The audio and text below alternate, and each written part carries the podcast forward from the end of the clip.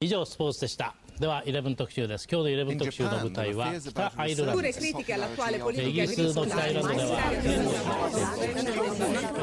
140 Curnos Vatandaş Haber Bülteni こうした厳しい状況の中で住民同士の和解を図りました Hazırlayan ve sunanlar Cansu Dirim ve Can Pürüzsüz.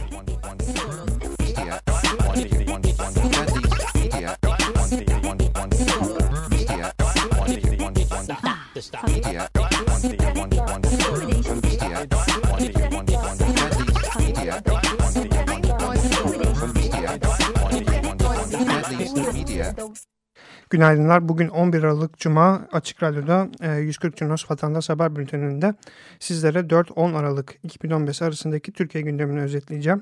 Ben Can Pürüzsüz. E, bu hafta e, yine birçok gündem maddesi var. E, ilk olarak anmalarla başlayalım. E, dün 10 Aralık'ta 10 Aralık e, Ankara katliamının ikinci ayı idi. 10 Ekim'de Ankara'da barış mitinginde gerçekleşmiş olan patlamanın ardından iki ay geçti. E, katliamda hayatını kaybedenler için Ankara, İzmir, Eskişehir, İstanbul, Samsun, Aydın ve Diyarbakır'da protestolar ve anmalar gerçekleşti. E, bu protesto ve anmalardan öne çıkan bazı pankartları okumak istiyorum sizlere. Barış için gitmiştik, siz kan döktünüz. Katili tanıyoruz, unutmayacağız. Sorumlulardan hesap sorulacak, barışta ısrarcıyız. Yapılan yürüyüş ve e, saygı duruşlarında hayatını kaybedenlerin fotoğrafları tasında. E, iki ayın e, üzerinde iki aylık bir zaman dilimi geçti dedik. E, bir başka katliamda yine üzerinden bir hayli zaman geçen e, Roboski katliamı 2011 Aralık'ta gerçekleşmişti. Sırnak Uludere'de e, bir bombardıman gerçekleşmişti köylülerin üzerine. E, bunun üzerinden de 206 hafta geçti. E, 206 haftanın e, ardından eylemler devam ediyor. Roboski için adalet, failler yargılansın talebinde bulunuldu. E, yapılan eylemlerde e, Uludere'deki mezarlıkta bir anma gerçekleştirildi. Bir diğer anma Tahir Elçi içinde. Tahir Elçi'nin ölümünün birinci haftasıydı bu hafta. E, yedinci gününde geçtiğimiz cumartesi günü e, anma gerçekleştirildi. E, Birçok ilde yine hem yürüyüşler oldu hem de mezarı basında anma oldu Diyarbakır'da. Eskişehir, Diyarbakır, Tunceli, Gaziantep, İstanbul anmaların olduğu başlıca merkezlerde. İstanbul'da cumartesi anneleri eyleminde e, bir anma gerçekleştirildi. Tahir Elçi öldürüldüğü esnada e, İstanbul'da e, cumartesi anneleri devam ederken cumartesi annelerine haber verilmişti. Onlar da büyük bir tepki göstermişlerdi. Tahir Elçi yıllarca e, mücadelesinde e, cumartesi anneleri mücadelesine destek veren isimlerden biri olarak hafızalar kazınmıştı. E, cumartesi annelerinin eyleminin akabinde İnsan Hakları Derneği'nin çağrısıyla İstanbul Barosu'na bir yürüyüş gerçekleştirildi İstiklal Caddesi'nde. İstanbul Barosu'nun öldürülen Diyarbakır Barosu Başkanı Tahir Elçi için yeterince tepki göstermediği ve bir suskunluk tavrı izlediği gerekçesiyle baro protesto edildi. Ee, Ümit Kocasakal'ın e, yönetiminde bulunduğu İstanbul Barosu'na yürüyüş yapıldı. İstanbul Barosu'nu suskunluğuna son vermeye çağırıyoruz denildi yapılan yürüyüşte. Tahir Elçi eylemlerinde genel olarak öne çıkan talep katillerin bulunması yönündeydi. Diyarbakır'da vurulduğu saat olan 10.53'te mezarı basında bir anma yapıldı. E, bu anmaya da Tahir ailesi, avukatlar ve e, Hrant Dink'in eşi Raquel Dink de katıldı. E, barolar, baroların gündemiyle devam edelim. Ankara Barosu Cumhurbaşkanı hakaret suçunun anayasaya aykırılığı ve çözüm önerileri başlıklı bir çalıştay düzenledi. Bu çalıştayda Yarsa Başkanı Murat Arslan açıklamalarda bulundu. E, bu açıklamaları e, bizde istatistiki bilgiler verildi bu açıklamada. Onları görselleştirdik bu hafta. Uzunca bir süredir 140 Cunos yayınında istatistiki bilgileri e, görselleştirme yoluyla kullanıcıların önüne sunuyoruz. Bu da aslında o e, uzun uzun istatistiki bilgilerin daha kolay bir şekilde paylaşılmasını ve e, kavrayışların daha kolay bir şekilde e, yerine oturmasını sağlıyor. Bunu özellikle de e, iklim konulu haberlerde tercih ediyoruz. E, iklim alanındaki uzun metinlerin e, daha okunaklı bir şekilde e, 140 Cunos'u takip edenlere ve kamuoyuna ulaştırılması amacıyla iklim alanındaki birçok e, uzun metne e, her metinde geçen e, kelimelerin karşılığı olarak bir birer resim koyarak e, infografikleri döküyoruz ve bu infografiklerde e, bir hayli paylaşılıyor. E, konumuza dönecek olursak e, Yarsa Başkanı'nın açıklamasında şunlar söylendi. E, Cumhurbaşkanı hakaret suçuyla e, Cumhurbaşkanı hakaret suçundan hakkında soruşturma açılmak istenen e, hakkında soruşturma açılmak için Adalet Bakanlığı'ndan izin istenen kişi sayısını paylaştı, bir veri paylaştı. E, son üç Cumhurbaşkanı'nın e, verileri bunlar. E, Cumhurbaşkanı Ahmet Necdet Sezer'in son bir yılına ait bir veri paylaşıldı. E, Ahmet Necdet Sezer'in Cumhurbaşkanı'nın son bir yılında 26 kişinin e, Cumhurbaşkanı hakaret suçuyla e, hakkında soruşturma açılmak için Adalet Bakanlığı'ndan izin istenmiş. Abdullah Gül'ün döneminde 139 bu sayı ve e, Cumhurbaşkanı Erdoğan'ın bir yıllık, e, bir yıl 3 aylık e, görev döneminde bu sayı 1300 hatta 1300'den fazla da diyebiliriz. E, sayıları tekrarlamak gerekirse Ahmet Necdet Sezer'in son bir yılında 26, Abdullah Gül'ün bütün Cumhurbaşkanlığı döneminde 139 ve e, Recep Tayyip Erdoğan'ın ilk bir yıl 3 ayında 1300 kişi Cumhurbaşkanı hakaret suçundan e, hakkında soruşturma için Adalet Bakanlığı'na başvurulmuş. E, bu konu bu istatistik veriler açıklandıktan sonra sosyal medyada bir hayli tartışıldı. E, bu hafta bu gündemi takiben de e, bir başka ceza verildi yine bu konu hakkında. Bir gün gazetesinde çalışan 3 kişi Cumhurbaşkanı hakaret suçlamasıyla yargılanıyordu. E, dava bu hafta karar duruşmasına geçti. Karar duruşmasında e, Bir Gün Gazetesi çalışanlarına 11 ay 20 gün hapis cezası kararı çıkartıldı. Bir başka hakaret iddiası e, Melik Gökçe'ye karşı. Gazeteci Hayko Bağdat e, Melik Gökçe'ye hakaret ettiği gerekçesiyle e, bir davanın konusuydu. E, bu davada da Hayko Bağdat e, 1160 liralık bir adli para cezasına çarptırıldı. Yine gazetecilerle devam edecek olursak e, tutuklanan Can Dündar ve Erdem Gül için e, hatırlanacağınız üzere MİT tırları haberleri dolayısıyla tutuklanmıştı iki hafta kadar önce. Silivri cezaevinde bir umut nöbeti tutuluyor. Cezaevinin kapısının önünde e, bir haftadır devam eden bir umut nöbeti var. Bu umut nöbetinde de e, genelde bir kişi veya iki kişi Silivri cezaevinin kapısında bekliyor ve ertesi gün bir başka kişiye nöbeti devrediyor. Bu hafta e, nöbeti devralanlar arasında Pelin Batu, Bülent Mumay, Ayşenur Arslan gibi ünlü isimler vardı. Yine e, Türkiye'nin siyasi gündemindeki diğer gelişmelere bakacak olursak e, gözaltılar var. ESP ve SGDF, Ezilenlerin Sosyalist Partisi ve Sosyalist Gençlik Dernekleri Federasyonu üyeleri 4 Aralık'ta gözaltına alındı. E, bu gözaltına alınan üyeler arasında HDP milletvekili adayları ve e, Suruç katliamında yaralananlar da vardı. E, yapılan gözaltıların ardından e, adliyeye sevk işlemi gerçekleşti. E, ancak 8 Aralık'ta adli kontrol saatiyle serbest bırakıldı ESP ve SGDF üyeleri. E, onların serbest bırakılması için yine birçok ilde eylemler yapıldı. Serbest bırakılmanın ardından da e, bir basın açıklaması yaptı gözaltına alınanlar. Şunları söylediler özellikle, e, özetle Suruç'ta bitiremediniz, operasyonlarla yıldıramazsınız. Bu şekilde bir mesaj verildi e, gözaltına alınanlar tarafından. E, iç politikada bunlar olmuşken dış politikada da e, özellikle iki gündem maddesi ön plana çıkıyor. E, bir tanesi Irak'ta e, Musul yakınlarındaki Türk askerinin varlığı, e, IŞİD'e karşı eğitim e, gerekçesiyle Türk askeri o bölgede konuştu durumda. E, bunların bu hafta bir nöbet değişimi vardı ve askeri kapasitenin arttırılması söz konusuydu. Bununla ilgili olarak da İran merkezi yönetimi Bağdat'ta Türkiye arasında hafta boyunca e, diplomasi alanında yoğun bir e, hafta yaşandı. E, bir diğer konuda Rusya, e, Boğaz'dan geçen Rus gemisinde bir kişi, bir asker omuzdan atılan füzeyle görüntülendi. Bu da haftanın e, en çok tartışılan içeriklerinden biri oldu. E, 140 Cunos yayınında bütün bu anlattığım gelişmelerin birçoğunu biz e, vatandaş içeriği aracılığıyla kapsıyoruz. Yani bir olay olduğunda Twitter'ın arama kısmına e, o olayı o olayla ilgili kaynak bulabileceğimiz e, anahtar kelimeler yazıyoruz ve bu anahtar kelimelerde e, olayla ilgili bize veri çıkıyor.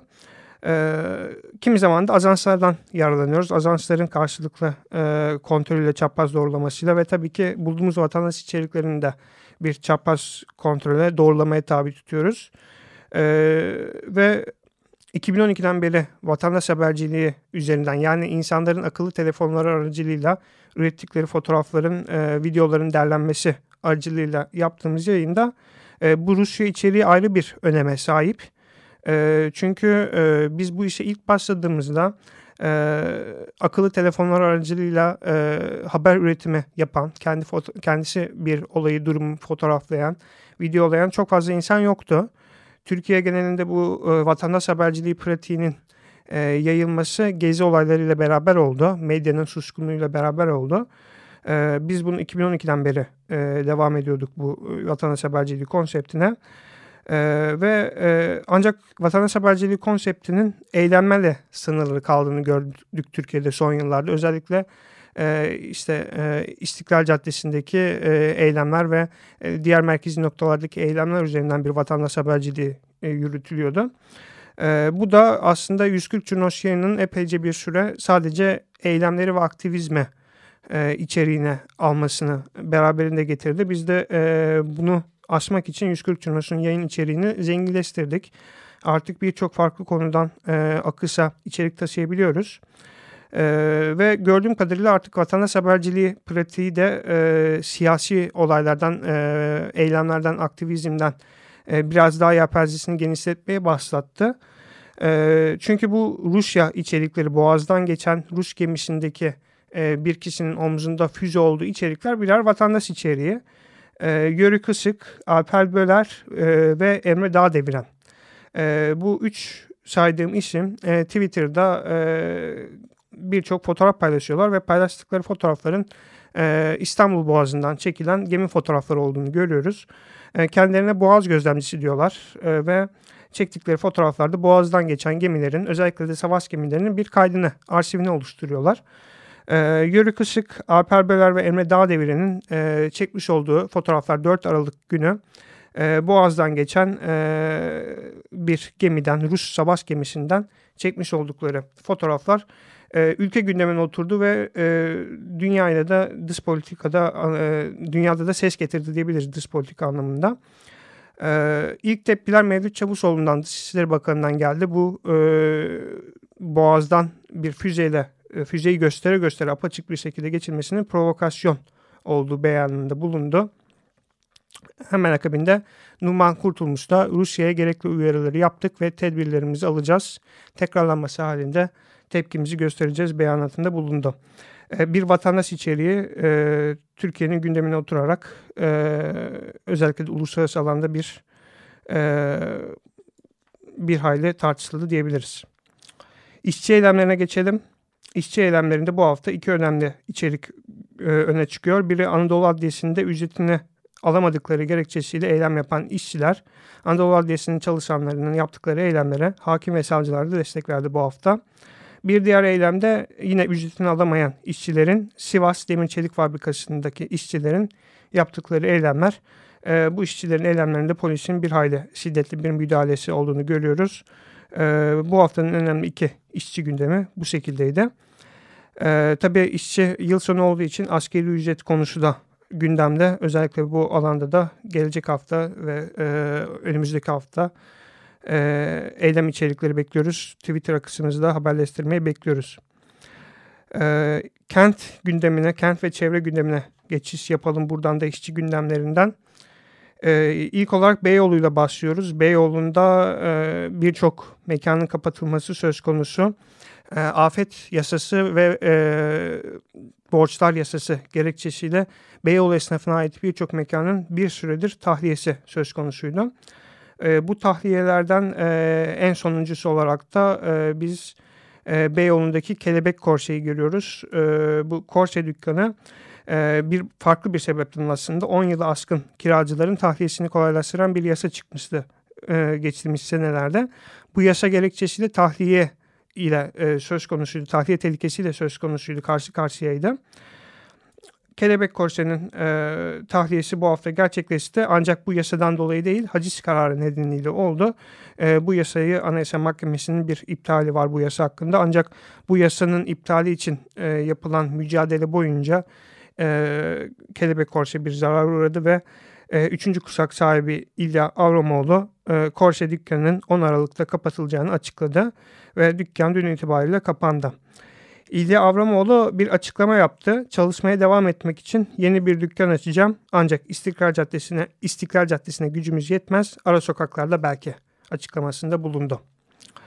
Ee, Beyoğlu'ndaki mekan tahliyeleri e, uzunca bir süre daha gündemimizde olacak gibi gözüküyor. Beyoğlu'nun tarihi ve kültürel yapısının e, zarar gördüğü e, bu tahliyelerde e, özellikle de Beyoğlu'nun simge yerlerinin emek sineması gibi e, Kelebek Korse gibi e, birçok e, simgesel mekanın tahliye edilmesi tepkiyle karşılanıyor.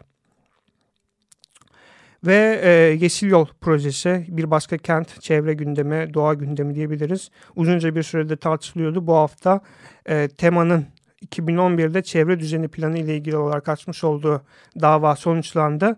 Danıştay'a açılması dava ve Danıştay e, Yeşil Yolu kapsayan illerinde içinde bulunduğu çevre düzen planını iptal etti. Bu demek ki e, bu şu demek oluyor. Yeşil Yol projesinde yürütmeyi durdurma kararı alındı. Ancak yürütmeyi durdurma kararı alınan birçok proje görüyoruz e, ve bu kararın uyumadığını görüyoruz. Bakalım Yeşil Yol projesinde bir karar uygulaması olacak mı yoksa Yeşil Yol'da da e, inşaatlar devam edecek mi? Bir başka gündem termik santraller. Özellikle e, şu anda da e, iklim kamuoyunun gündeminde Paris İklim Zirvesi ile beraber ve bir talep var. Türkiye'nin e, kömürlü termik santrallerden vazgeçmesi talebi var. E, bu talebin e, bu hafta dile getirildiği bir yer Balıkesir'in e, Sirinçavuş köyüydü. Bandırma'ya bağlı Sirinçavuz köyü bu bölgede bir termik santral kurulacak. Bu termik santralin kurulumu da e, protesto ediliyor. Dün chat toplantısı vardı. Çevresel etki değerlendirme toplantısı vardı. Chat toplantısı başlamadan önce Sirinçavuz köyünde protestolar başladı. Ee, ölüm bacalarına hayır, termiye inat, yasasın hayat, termiksiz gelecek, yasanabilir kentler istiyoruz. Ee, talebinde bulunuldu yapılan eylemlerden. Ee, bir başka e, önemli e, santral insasının gündemde olduğu alan İğneada. İğneada'ya da hem bir termik santral e, insası gündemdeydi hem de bir nükleer santral insası gündemdeydi. E, nükleer santralin üçüncüsünün inşa edileceği duyurulmuştu en son olarak. E, ilki Mersin Akkuyu'da, ikincisi Sinop'ta ve üçüncüsü de İğneada'da olmak üzere üç nükleer santral planı var biliyorsunuz. İğneada'daki e, nükleer santralin kurulacağı bölgede aslında Longoz ormanlarına çok yakın bir yer.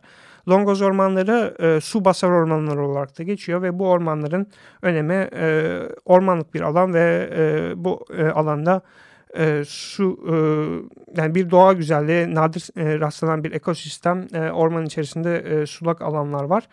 E, İğneada'nın Longoz ormanlarının ve diğer doğal güzelliklerinin e, nükleer santralle beraber tehlikeye gireceği düşüncesiyle eylemler yapıldı bu hafta. Kuzey Ormanları savunması İğneada'ya giderek bir protesto yürüyüşü gerçekleştirdi, gerçekleştirdi geçtiğimiz pazar günü.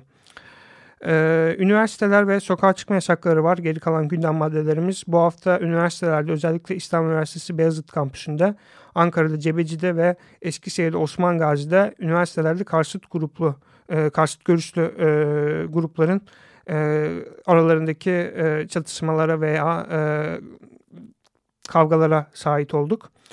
E, bu gruplarda e, sol gruplar ve İslami gruplar. Sol gruplar İslami grupları cihatçı çetelerin e, birer unsuru olmakla suçluyor. İslami gruplarda e, sol grupların Müslümanlara eziyet ettiği argümanını taşıyor. Bu iki grup e, hafta boyunca özellikle bu üç üniversitede birbiriyle e, tartışma halindeydi. Sokağa çıkma yasakları ise e, Diyarbakır'ın Sur ilçesinde 2 Aralık'tan bu yana devam ediyor. Mardin'in sahibinde 6-9 Aralık arasında e, yine bir sokağa çıkma yasağı söz konusuydu. Özellikle e, Diyarbakır Sur'daki sokağa çıkma yasağına yönelik protestolar gerçekleşti. Dağ Kapı, Urfa Kapı gibi e, Diyarbakır'ın merkezlerinde, ofis semtinde, Koşuyolu Parkı'nda.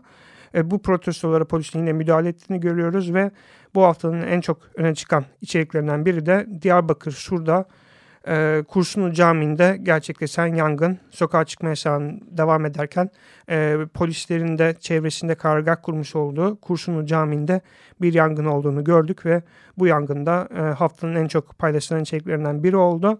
Hüdapar bir açıklama yaptı ve İslami değerlere e, saldırıyı kınıyoruz dedi Kurşunlu Camii'nin yakılmasıyla ilgili olarak. Bu haftayı bu şekilde toparladık. Herkese iyi haftalar. 以上スポーツでした では11特集です今日の11特集の舞台は北アイルランドですイギリスの北アイルランドでは 140 Curnos Vatandaş Haber Bülteni 見通しが立たないままにこうした厳しい状況の中で住民同士の和解を図りした Hazırlayan ve sunanlar Cansu Dirim ve Can Pürüzsüz.